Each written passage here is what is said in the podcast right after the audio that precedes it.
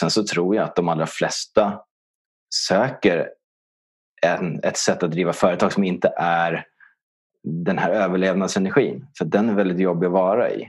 Jag tror många tänker så här, det måste finnas ett bättre sätt. Och det gör det. Du lyssnar på podcasten Perspektiv.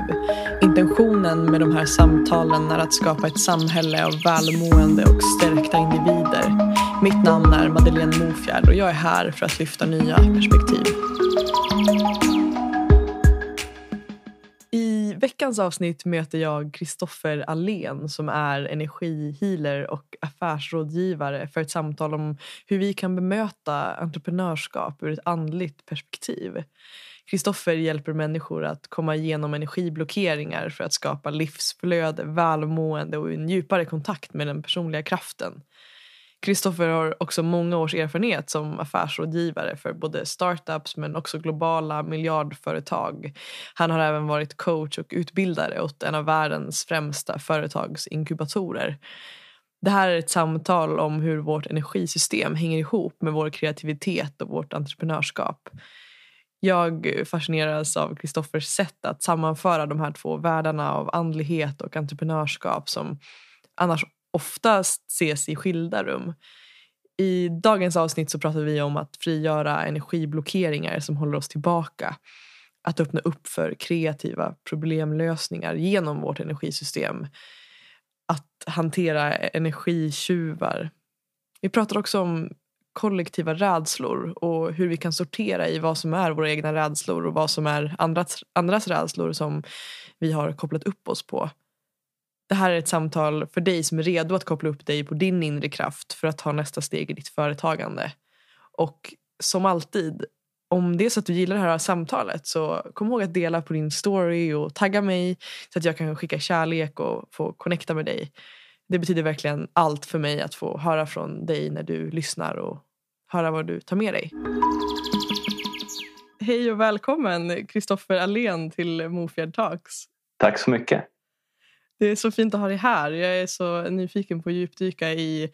Vi ska prata om andlighet och entreprenörskap idag vilket är en kombo som jag tycker är ja, men helt fantastisk och så given på så många olika plan men också ett ämne som jag tror många entreprenörer missar kanske. Så det ska bli så fint. Det ska bli jätteroligt. Mm, fint. Och innan vi kör igång så skulle jag vilja höra med dig Kristoffer hur du mår. Hur mår ditt hjärta idag? Hur är läget? Eh, jag mår bra. Jag känner mig lite upprymd men ändå ganska lugn. Det ska bli ett väldigt roligt samtal att ha. Eh, så får vi se var vi hamnar med det. Men det känns jättebra. Fint. Gud vad härligt. Men jag känner samma sak. Jag känner mig också så förväntansfull och, och energifylld men också ja, ja, precis. i det. Liksom. Ja. Fint. Och eh, Finns det någon speciell plats där du har din nyfikenhet eller ditt fokus just nu i livet generellt? Sådär? Nej men alltså på ett professionellt plan så är det ju väldigt mycket det vi pratar om. Precis att hur kan man kombinera andligheten och entreprenörskapet ännu mer? För det är ju verkligen en naturlig del som, som egentligen alla människor har med sig. Och framförallt entreprenörer när de gör affärer. Men kanske inte alltid medvetna om det. Så hur kan vi skapa mer integration där? Det är väl något jag är jätteintresserad av just nu. Så superpassande samtal att ha. Mm. Gud vad fint. Det är härligt att du har fokus just på de ämnena. Och jag gillar också hur du säger att det är någonting som alla entreprenörer har med sig eh, men man kanske inte är medveten om det. Så det ser jag fram emot att höra också mer hur du, hur du ser på det. Liksom. Hur, hur andligheten är en del av oss vare sig vi kanske vill, vill det eller inte. Liksom. ja, ja, och en väldigt stor del då, så att säga. Ja. Men absolut, ja, det ska bli kul att prata om det. Jättespännande. Och innan vi djupdyker i det så skulle jag också vilja höra om du tittar, tittar tillbaka på ditt liv eh, och allt det som du har varit med om. Det kan vara saker du har eh, upplevt eller eh, liksom åstadkommit och så vidare. Vad skulle du säga att du är mest stolt över idag? Ja, det är en bra fråga. Jag tror att det är nog egentligen flera saker. Men det är de här ibland avgörande tillfällena när man verkligen har tillåtit sig att lyssna på hjärtat och kanske mot, eh, mot vad huvudet säger och egentligen mot alla odds, eh, man, vad man tror skulle vara möjligt. Och ändå haft den integrerade känslan att nu ska jag göra det här.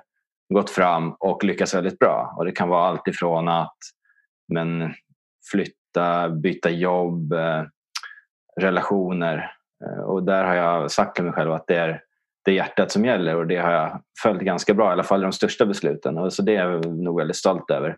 Också mycket det som har lett mig fram dit jag är idag, det livet jag har idag. Fint. Ja, men det är verkligen, jag tänker, jag hör också många, eller jag vet inte varifrån det citatet kommer egentligen, men att den längsta resan en människa kan göra är från hjärnan till hjärtat.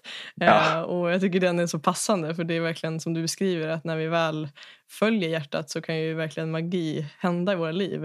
Eh, och och för mig i alla fall i mitt liv så kan jag verkligen se att de gångerna när jag faktiskt inte följer hjärtat, när jag, när jag står i ett val och så, och så känner jag att så här, fast nu, nu följde jag kanske inte hjärtat, att det ofta då blir fel. Eh, har du några sådana liksom, exempel där det har blivit så? Där du har kanske ändå, alltså, ja, ändå inte följt hjärtat och så har det blivit liksom, ja, inte som du velat? ja, alltså problemet med, det är inte alltid man känner hjärtat. Eh, ibland kan det vara ganska diffust och så. Så vissa stunder har man ju en tydlig känsla. Man kan kalla det för hjärtat eller man kan kalla det för magkänsla. Och när jag går emot det, det kan vara vad som helst, det kan vara affärsbeslut eller ja, någonting annat. Då är det nästan 100 %. så ångrar jag mig. Eh, de svårare stunderna det är ju när man känner, jag, jag vet knappt vad jag känner. Det är liksom kaos, det är för mycket känslor och sådär. För det kan vara jobbiga beslut. Och där får man helt enkelt falla tillbaka på tilliten. Eh, men det brukar bli ganska bra. Och jag tror att en del i att kalibrera sig också, det är att pendeln får svänga lite grann. Man får tillåta sig att, att göra fel och det är inte som att vi har en sån här snäv väg att gå på utan vi har lite svängutrymme. Så där. Åker vi för långt åt sidan, då kommer vi bli lite knuffade inåt igen och sådär. Eh, så att det, är en del av den härliga resan eh, i livet. Då.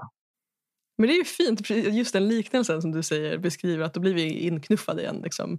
Det finns ändå någon slags yttre ram där vi får våra tecken av att nu ska du tillbaka här till mitten. Liksom. Absolut, eh, den kan bli ganska tydlig ibland tycker jag. Ja, precis. Eh, på olika sätt. Mm. Ja, men det tror jag många känner igen sig i, den där påminnelsen om att så här, ja, hit ska du, kom igen. Jajamän.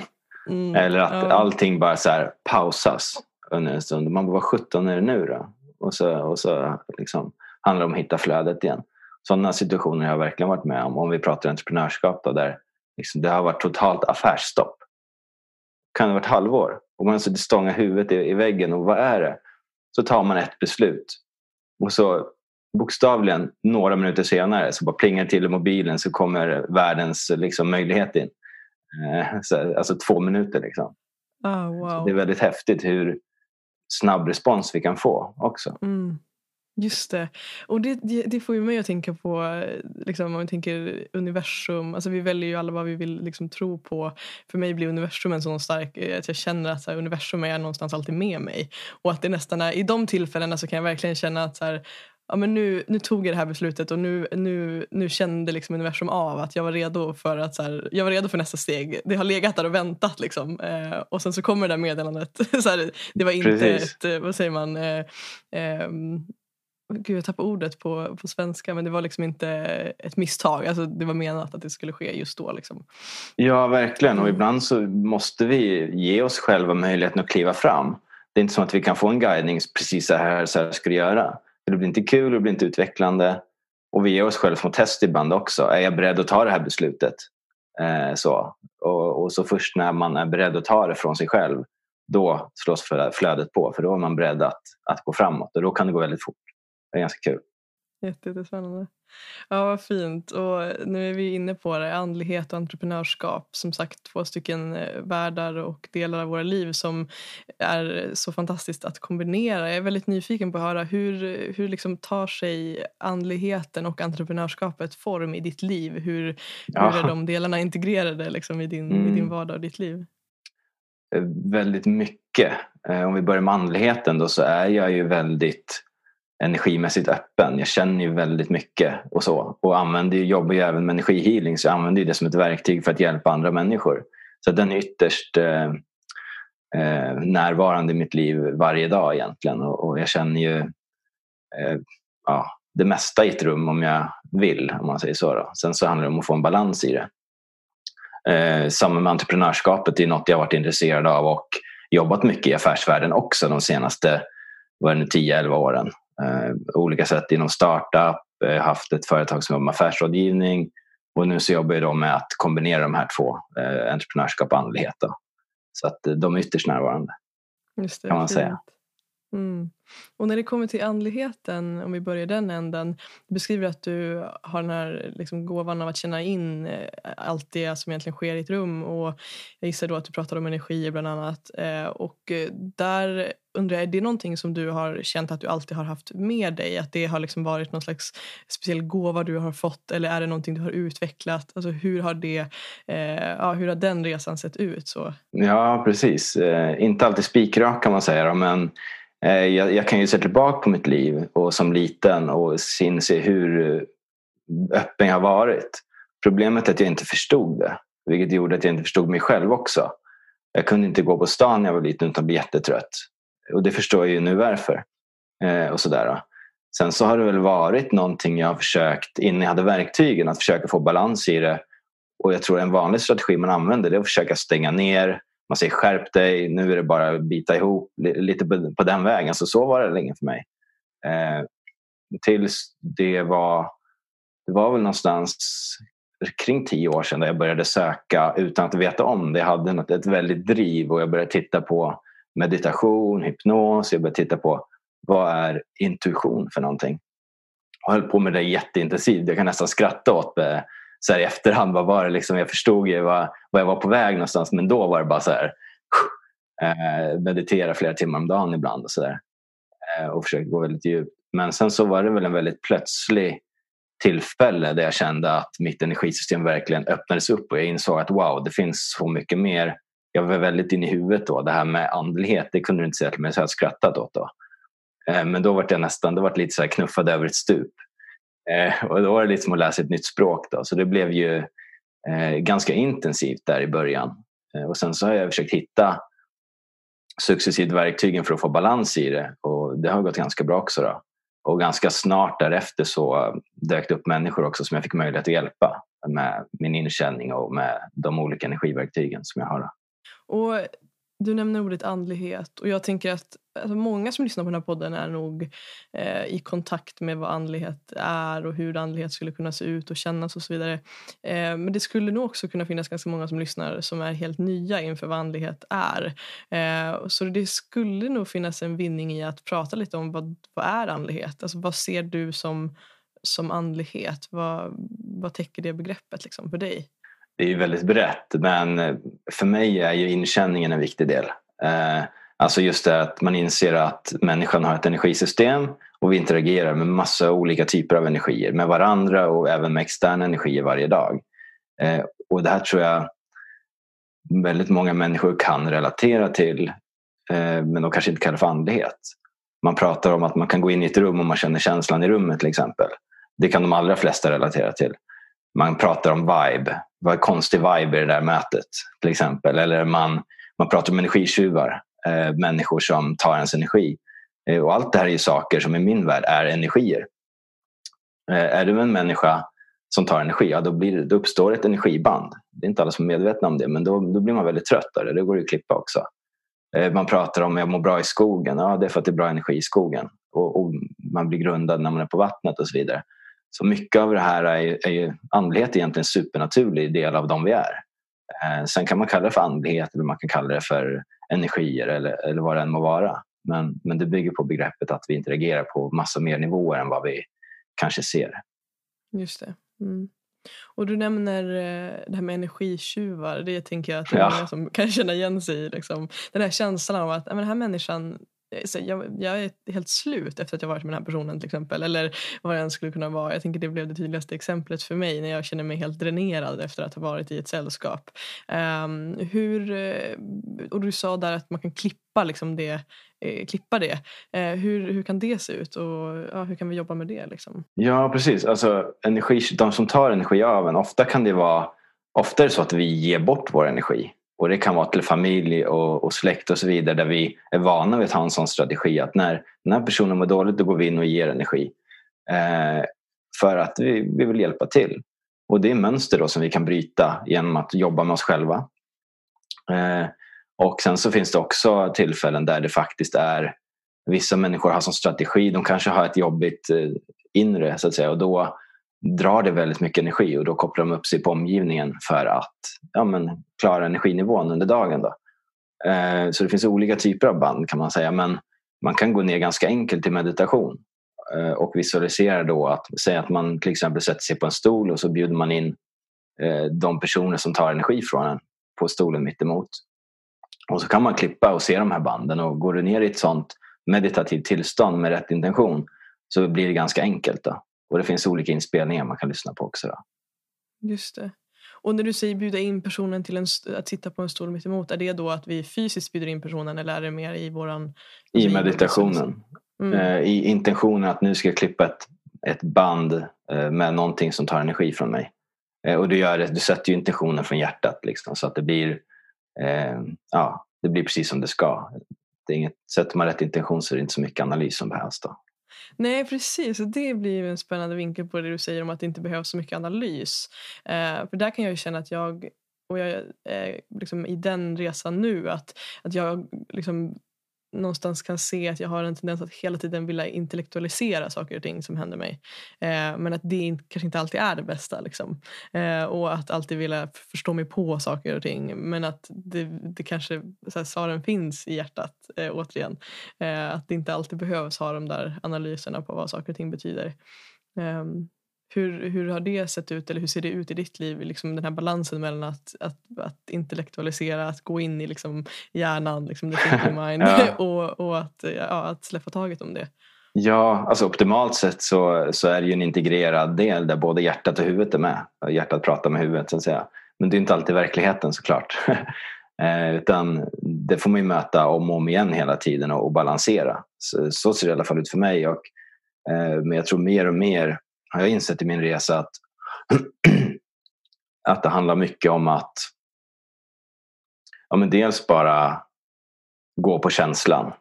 Eh, men sen att förstå att svaren kommer när det är dags för svaren. Utan det går inte att krysta fram ett svar utan eh, de kommer någonstans genom livet och vi får inte alltid svaren på en minut eller en sekund. Vi kanske kan få svaren en vecka, eller ett år eller tio år senare. Som i form av insikter. Och det är helt okej. Just det. Uh. Mm. Jag gillar det också. Det är helt okej. Okay. Det är en så fin mening som så känns lugnande och fin. ja, precis. Ja. Det mesta är faktiskt helt okej. Okay. Ja. Uh, det mesta är precis som det ska vara. Mm, fint. Och om vi då ska vinkla det här mot entreprenörskapet. Hur, eh, hur integrerar du eh, det här inkännandet, eh, andligheten och ditt arbete med energier eh, i ditt entreprenörskap? Och hur, eh, ja, hur, hur, hur, ser det ut? Ja, alltså man kan ju säga att entreprenörskap, personlig utveckling och att jobba med sitt energisystem är ju en jättestor del av personlig utveckling. En fundamental del då, i min mening. Eh, så man kan se det nästan som, tänk dig två cirklar, en mindre cirkel innan, innanför den andra. Och man skulle kunna säga att det är kärnan är ju då den inre cirkeln, den personliga utvecklingen. Så allting du gör i dig själv skapar också ett flöde som strålar ut i entreprenörskapet. Eh, så en stor del är ju att jobba med sig själv eh, i olika områden.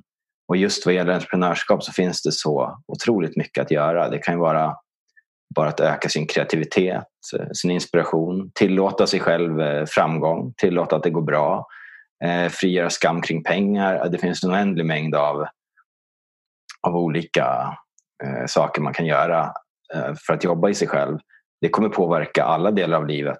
Men om man riktar in sig just på entreprenörskap så kan man fokusera på de delarna som gör att entreprenörskapet får ett flöde. Det blir väldigt mycket roligare att jobba om man är kreativ till exempel. Och har du ett fritt flöde i dig själv då kommer du också skapa utifrån hjärtat. Där du skapar en situation som inte bara ger dig det du söker i form av att uttrycka ditt syfte men du får också ett välmående och som en funktion av det kommer du också få en rikedom på alla möjliga sätt, inklusive pengar. Det är det du vill ha. Eh, sen finns det massa andra saker man kan känna in också men det är någonstans kärnan i det hela, att hela tiden utgå från individen. För det är individerna som skapar flödet i företaget också. Just det. Och det där blir så fint också. Jag tänker det att vi, det finns ju ändå någon slags en, en bild av entreprenörskap. En bild av vad det är att vara liksom företagare. Eh, vi ser de här kostymmännen i Silicon Valley liksom, som omsätter billion, billions of dollars. Liksom. Eh, och, och, och, vi hör deras berättelser om att det är alltså success, framgång, det är liksom så kopplat till hårt arbete, disciplin, eh, struktur. Eh, att det blir liksom den enda barometern för hur vi, hur vi ser på entreprenörskap och företagande. Ehm, och Samtidigt som att jag också hört dig prata om att så här, de mest framgångsrika entreprenörerna i världen är också väldigt in tuned med sin spiritualitet och sin andlighet. Liksom. Eh, hur ser du på det? Alltså jag tänker så här, den nya ja, jag kallar det för den nya typen av entreprenörskap liksom, där andlighet är en ny del av det och där disciplin och hårt arbete inte är allt utan kanske att, att ja, självklart behöver vi jobba för det men att har vi hjärnan och hjärtat integrerat så, så skapas det här flödet som du beskriver och vi kanske kan snarare följa flow istället för att här, krysta fram eh, hard, hard work. Liksom. Eh, ja, verkligen. Hur ser du på det? Så. Nej, men det finns många, det kan man prata om en hel dag eller på att säga men, men alltså som du säger att allt, det är inte alltid eh, gynnsamt att plöja igenom som en ångvält utan eh, i min erfarenhet så går det, det kan finnas tider för fokuserad riktning, absolut, där man verkligen har den här laserfokus. Men det finns också tider att bara slappna av och ta emot. Det, det går som ett flöde, lite som ett andetag, andas in, andas ut. Och att verkligen lära sig att jobba med de cyklerna gör ju att det blir, alltså du får en sån otroligt större effektivitet om du zoomar ut det lite grann. Du kanske inte får det per dag. Om du hade mm, liksom kört ångvälten då i en dag eh, istället för att bara slappna av. Eh, visst, du kanske hade kommit längre den dagen. Men sett på veckor, månader, då, då, då får du liksom de här jättestora hoppen om du följer flödet. Och det är en väldigt intressant del av det hela. Eh, sen så tror jag att de allra flesta söker en, ett sätt att driva företag som inte är den här överlevnadsenergin. För den är väldigt jobbig att vara i. Jag tror många tänker så här, det måste finnas ett bättre sätt. Och det gör det. Eh, sen är det inte alltid superlätt att hitta den balansen och det är en kontinuerlig process kan man säga. Men jag tror att mer och mer så, vad man ser på entreprenörer i alla fall, så är de mer och mer öppna för att utvärdera nya sätt. Och de här gamla stereotypiska sätten är lite på väg ut också i och med att det kommer in yngre och yngre entreprenörer eh, som har helt andra typer av visioner också. Fint. Och jag tänker att eh, det finns en, eh, ja men som du säger, det är ett nytt entreprenörskap som är på väg in där vi kommer att, och där vi kombinerar de här, de här liksom krafterna. Eh, jag är spännande på att höra, eller nyfiken på att höra också, för du beskriver också att när du hjälper människor i din energihealing, att du hjälper dem att låsa upp sin inre kraft. Eh, så vad menar du med det och hur, hur kan det se ut i, i, liksom, ja, i en session? Eller hur du Ja, och då använder jag inkänningen för man kan säga att varje människa har sin egen unika energi. Och man kan kalla det för själen eh, eh, eller vad man vill kalla det för. Som sen strålar ut i energisystemet. Eh, och vi är mycket mer än bara en kropp och en hjärna. Så är det i min mening. Och det är ju den kraften som vi har i det är ju det absolut starkaste vi har att tillgå. Du kan inte bjuda in andra energier överhuvudtaget om man pratar om healing som är starkare än det du har. Och det vi gör under, ofta under uppväxten att vi glömmer bort det här. Och vi, vi börjar stänga ner oss själva för att bli accepterade. Vi börjar stänga ner oss själva för att passa i samhället, i olika strukturer. Och ofta gör vi det här genom att bjuda in andra energier eller att vi tvivlar på oss själva och inte inser att vi har kraften. Eh, så det man kan göra då är att man kan öppna upp för det här genom att gå in och känna in de här olika blockeringarna och öppna upp de här flödena. Och då får man ju så mycket mer av de resurserna vi faktiskt, ja, våra liksom själsresurser som vi är här för att använda oss av. Det kan vara allt möjligt, styrka, kreativitet, inspiration. Eh, alltså saker som är så otroligt värda i alla delar av livet. Eh, och ibland kan de här också vara lite utanför. Man pratar om olika själsdelar och så vidare som inte alltid är integrerade. Och då kan man jobba med det också. Just det. Mm. det, det skapar, skapar väldigt mycket flöde helt enkelt. Just det. Fint. Men jag tänker det, det är också som du beskriver att skapa flöde av saker. Att det, det är oftast som, som så här, det finns sådana lager av yttre, liksom, ja, men vi har normer, förväntningar eller det vi upplever och tror är förväntningar. Eh, och att det egentligen handlar så mycket om att skala av och hitta liksom, kärnan av min kreativitet, kärnan av min, mina drivkrafter, mina behov och vart är jag på väg. Liksom. Eh, så det, det, skapar väldigt mycket mening det du beskriver. Och eh, någonting jag tänkte på när vi pratade också tidigare om, för du nämnde att, att vi att som entreprenör att det också är lätt att gå in i det och i skapandet i en energi av, av, av överlev, liksom att, överlevnad eh, snarare än, än, att, liksom, ja, att leva.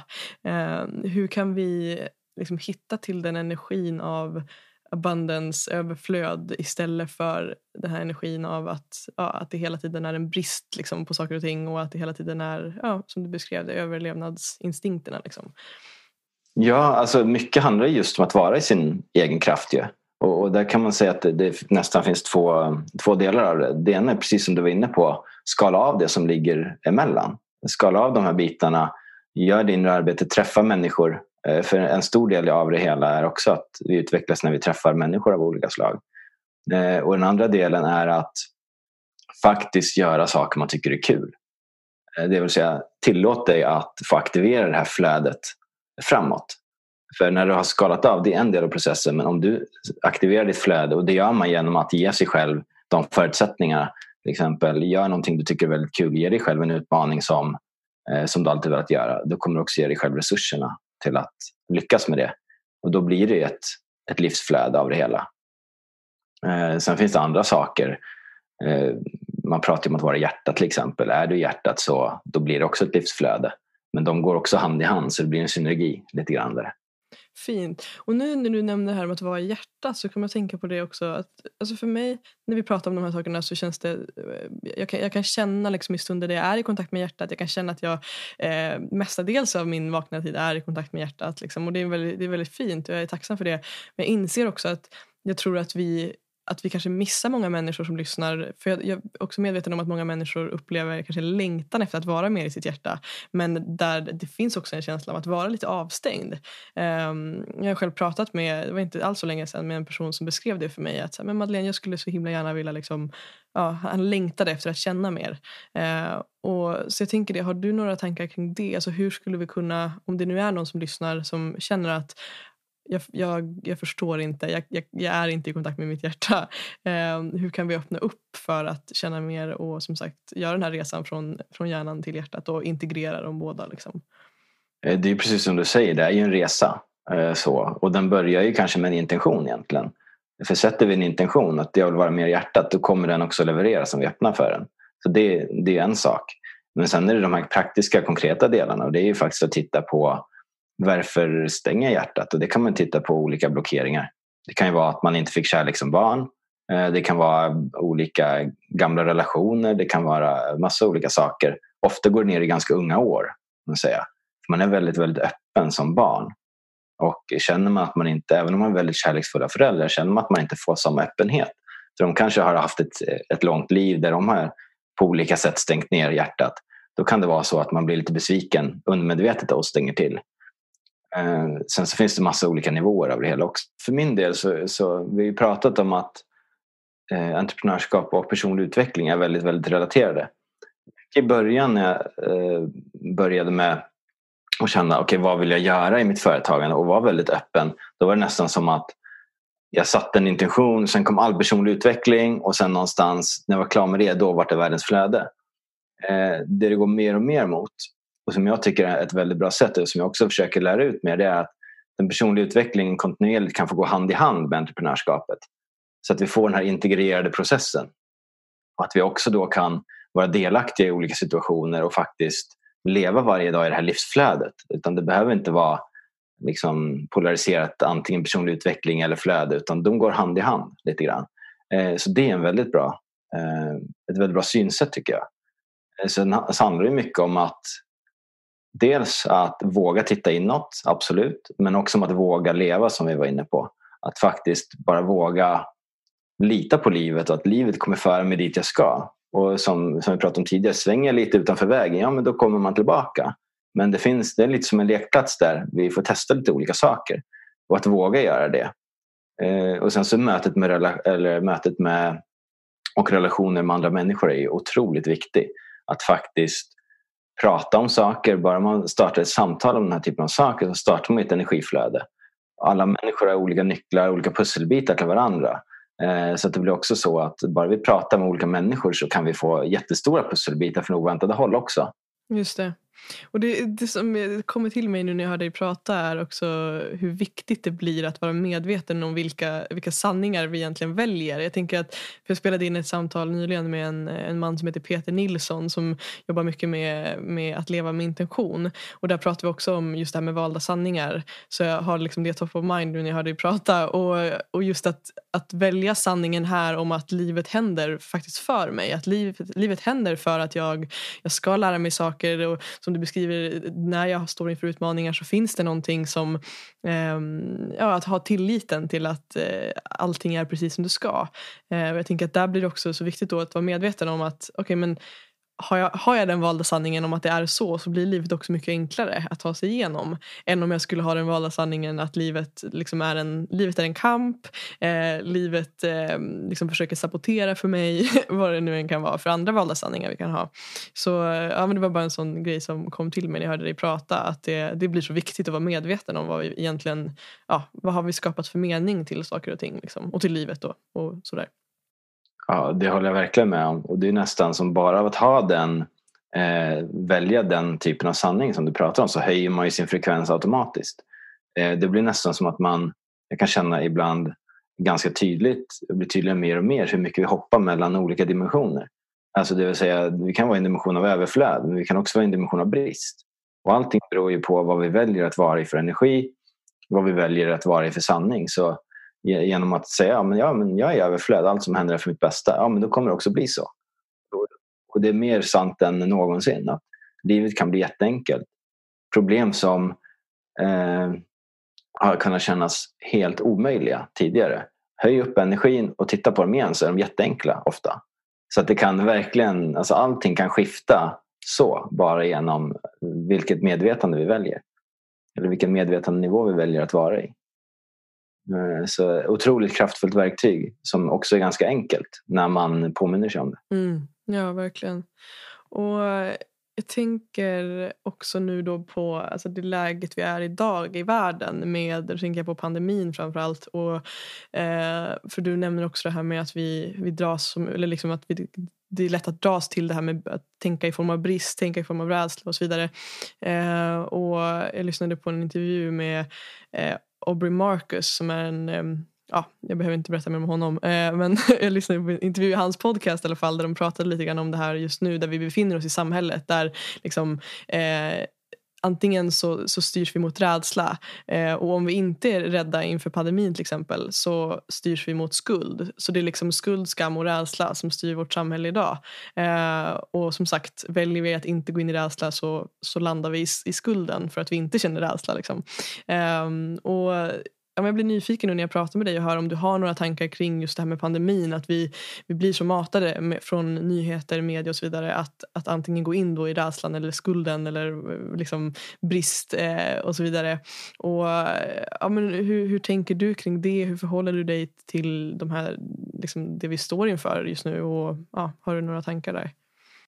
Ja, alltså en väldigt bra grundförutsättning tycker jag det är att vara i sin egen energi det vi gör ofta när vi känner att det blir en kollektiv rädsla att vi kopplar upp oss på den och tar den för vår egen. Eh, och det är återigen där vi pratar om olika energier man kan koppla upp sig på och energiband. Så det är otroligt vanligt att vi bär andras rädslor. Och det kan vara människor i vår omgivning men absolut också det kollektiva. Eh, det var något jag kände av väldigt mycket här i början av året och jobba igenom. Men eh, sen som sagt, ja, men, vill du vara rädd, var det då, men var det utifrån dig själv. Och är du i dig själv så kommer du förmodligen inte vara rädd. Eh, så är det och då har du ett helt annat flöde. Och då kan du ta beslut baserat på andra eh, strukturer eller mm, på andra premisser. Du kan ta beslut på vad känns rätt för mig i varje stund istället för vad eh, är den här kollektiva rädslan, skulden och skammen tycker jag ska göra. Och då får du ett mycket, mycket mer intelligent svar som kommer bli bättre för alla inblandade också. Sen är det väldigt, väldigt viktigt att inte sluta leva heller sista vi ska göra är att stänga av oss själva. Eh, för det blir inte bra överhuvudtaget. Och då blir man sjuk automatiskt också. Så att, ja, det, största, jag säger, den, det största försvaret vi har är någonstans att vara i livsflödet. Mm. Just det. Ja, men vad fint att du nämner det. Just det, det är så tydligt det du säger att vi kan välja att vara i, i vår egen energi. Och där tror jag att det blir viktigt också exakt som du säger, att, att lära också sig att känna in vad är min energi och vad är liksom lager av, av nyheter och eh, samhälle och, och, så vidare. Så den blir väldigt oh ja. viktig. Ja. Och jag tänker också på, tillbaka till det här med intention. Så när jag frågade dig om att gå från hjärtat till hjärnan och att göra den kopplingen så, så pratade du om att det är viktigt att ha en tydlig intention och att när vi har tydliga intentioner så, så, så skapas det flödet rätt så automatiskt. Liksom.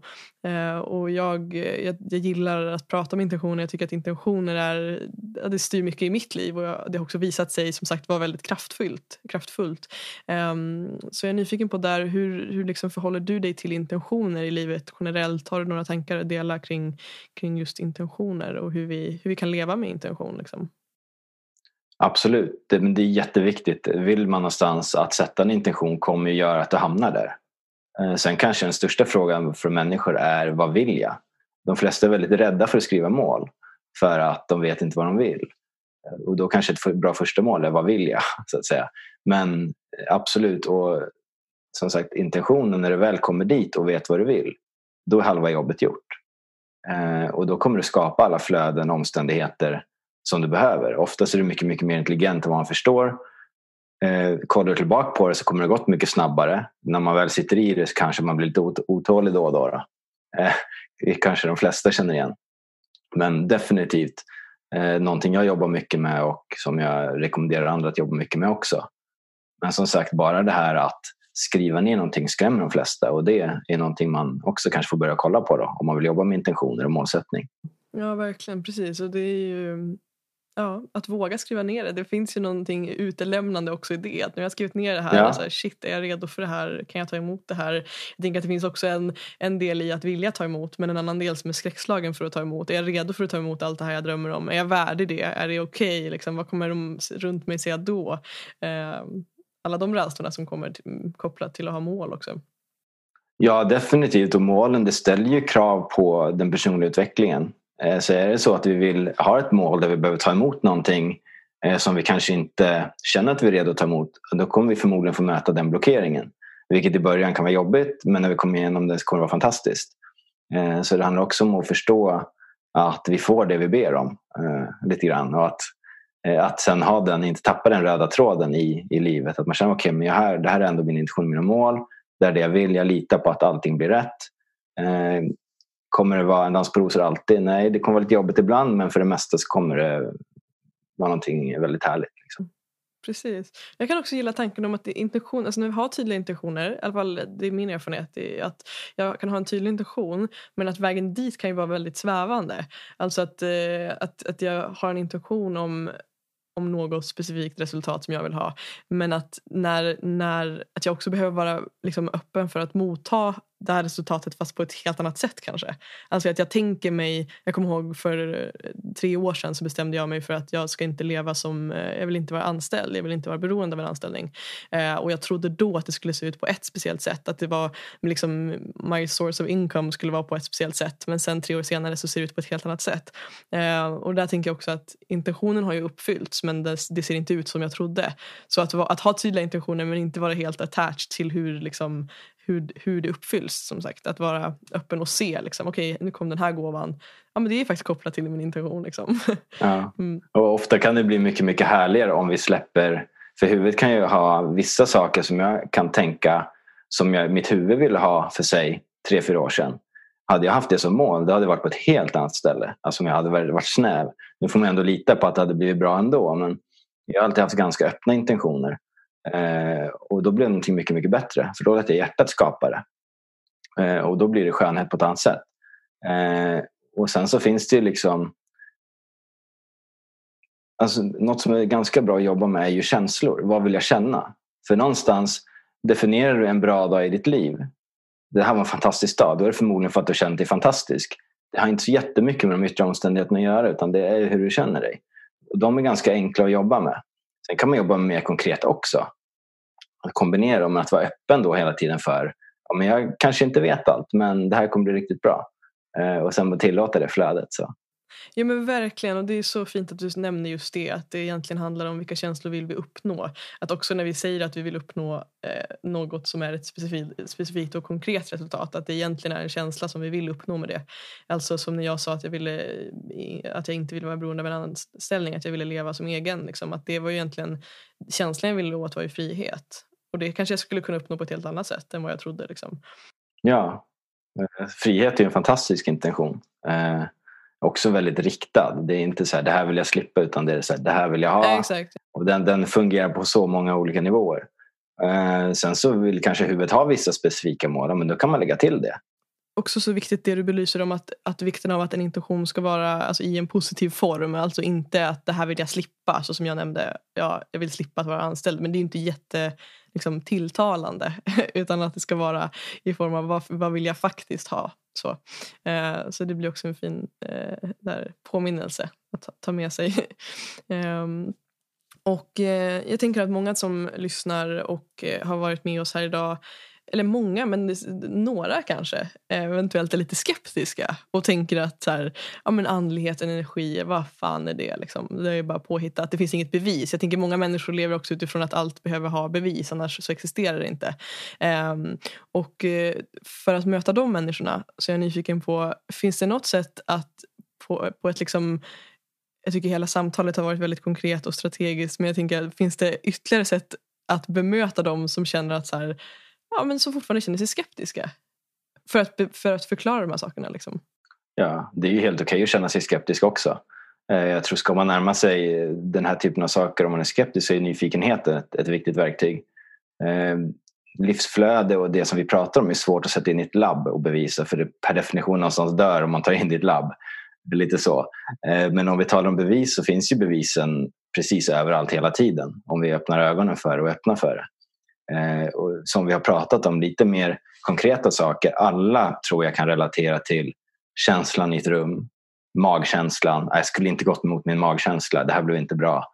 Eh, även människor som inte tror på energier pratar ändå om energier ibland. Det där var ingen bra energi i det där. Jag, jag tror inte på det där. Eh, det kändes inte bra i magen.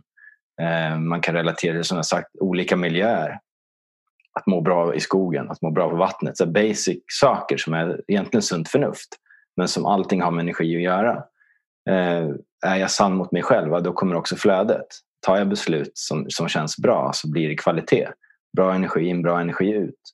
Eh, så, alltså, överallt, hela tiden finns det, bara man öppnar ögonen för det.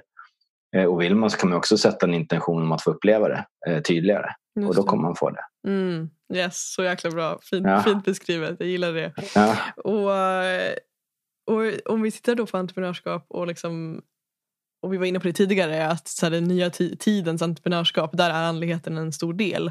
Vart skulle du säga att du ser att entreprenörskapet är på väg? Om vi, tänker, om vi tittar på framtiden, liksom, vart ser du, vart ser du liksom, den nya, typ, nya typens entreprenörskap, framtidens?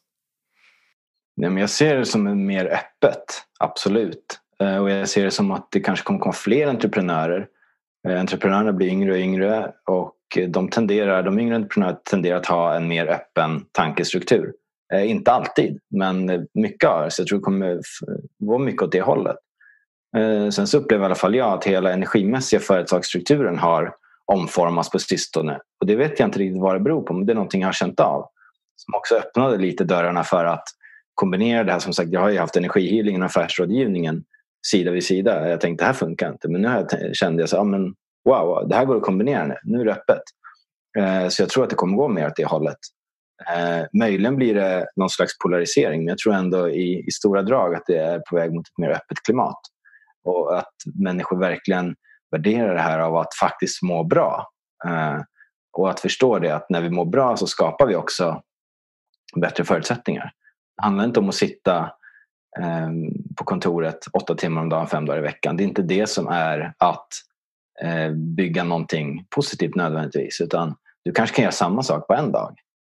Eller på tre dagar. Alltså lite så. så att jag tror många, många har, har det i åtanke mer och mer faktiskt. Fint. Ja, det ska bli spännande att se vart vi, vart vi är på väg. Och jag, jag håller med dig i det du beskriver. Det känns som att det, det är dit vi är, vi är på väg mer och mer. Um, och jag tänker finns det, för de som nu har suttit och lyssnat och skulle vilja djupdyka mer i de här ämnena och sådär. Finns det några böcker som du har att rekommendera eh, som på något sätt kanske har förändrat dina tankesätt eller ja, som du skulle vilja eh, dela med dig av? Eh, pratar vi om entreprenörskap och spiritualitet så har jag inte läst någonting om det. Och jag vet inte om det finns eh, än så. Och jag har inte läst så mycket om healing heller för det har mer varit livet som varit min lärare kan man säga i olika situationer. Eh, och även mitt, mitt jobb med healingen. Men ett par böcker som ändå har gjort avtryck på mig och det här var ganska länge sedan jag läste dem. Eh, det är en bok som heter Essentialism. Eh, och den handlar om hur man kan skala av, lära sig säga nej och fokusera på det som faktiskt är viktigt. Eh, så den kan jag verkligen rekommendera. Eh, sen så har jag en annan bok som också fick mig att i min, när jag jobbade och var inne i karriärsbiten fick mig att tänka annorlunda. Inte för att den nödvändigtvis var supervälskriven eller att den hade de bästa verktygen. Men det var själva det här att utmana eh, tankesätten och det är the four hour work week. Eh, för då kommer jag ihåg man var inne i banor av att men går det att jobba, skulle man kunna jobba fyra dagar per vecka? Det hade varit gött. Liksom. Och så hittar man den här killen, Tim Ferriss, då, som skriver den här som började snacka om fyra timmar per vecka. Och då börjar man säga wow. Det skiftade liksom hela, och det är själva den delen av det som jag gillar. För han, han utmanar liksom allt i den. Och det tror jag kan, kan liksom, eh, skapa svallvågor. Så de två böckerna eh, har gjort avtryck på mig. I mitt entreprenörskap framför allt. Fint. Mm. Härligt. Jag har faktiskt läst Four Hour Work Week men jag har inte läst Essentialism. Liksom. Den låter väldigt väldigt spännande. Jag ser fram emot att läsa den. Eh, och för våra lyssnare som vill komma i kontakt med dig Kristoffer, hur kan de nå dig och ja, komma i kontakt med dig helt enkelt? Eh, det bästa sättet är att gå in på Facebook och kolla in, eh, mitt företag heter Unify. Så det är Unify-E på slutet. Och så är det at Unify och sen SE eh, som i Sverige då, för att hitta det. Och där, finns, eh, där kan man se mig och där kan man se även de olika eventen och tjänsterna och sådär som jag bjuder. Och eh, det kommer också läggas upp lite olika resurser mm. så man kan Fint. läsa mer. Mm. Och det vill jag verkligen uppmana alla att göra. Jag har ju varit själv på dina event som du har på klustret inne i, i centrala Stockholm. Och, ja, men det har varit helt fantastiska upplevelser. Um, så Ja, jag känner att det, det, det, är lite svårt att beskriva det med ord men jag vill verkligen uppmana alla att, att ta del av det. Det har verkligen öppnat upp mycket i mig och i, min, i mitt entreprenörskap. Så, så det, vill jag, det vill jag lämna dem med. en uppmaning. Ja, men verkligen. Och, och Kristoffer, om du fick möjlighet att nå hela världen i 30 sekunder vad skulle du då vilja säga eller göra? uh, någonting som öppnar hjärtat på dem. Uh, med ord och energi skulle jag säga. Eh, eh, får, får det att kännas lite lättare och jag tror att eh, kan man bara öppna ett enda hjärta så kommer det smitta väldigt många. Så kan man öppna allas hjärtan så blir det nog en ganska rolig effekt. Precis, ja. Tänk en värld där alla bara har kontakt med sitt hjärta. Det vore fint. Ja, vi, får, vi får ordna det. Vi får ordna någon plattform där vi kan skapa det. ja, vi får försöka ja, jobba på den. Ja, och det, är det, vi gör, det är det vi gör, tänker jag. Både du och jag. Det är fint. Ja, ja. Jo, mm. faktiskt. Ja. ja, vad fint. Och innan jag låter dig gå så undrar jag, är det någonting som jag inte har frågat dig som du skulle vilja att jag frågar dig just nu? Nej, men jag tycker nog du har täckt in det ganska bra faktiskt. Eh, det måste jag säga. Fint. Härligt, då är vi nöjda och jag är så tacksam för den här timmen med dig Kristoffer. Det har varit eh, så himla fint och så värdefullt. Så tusen tack. Tack själv.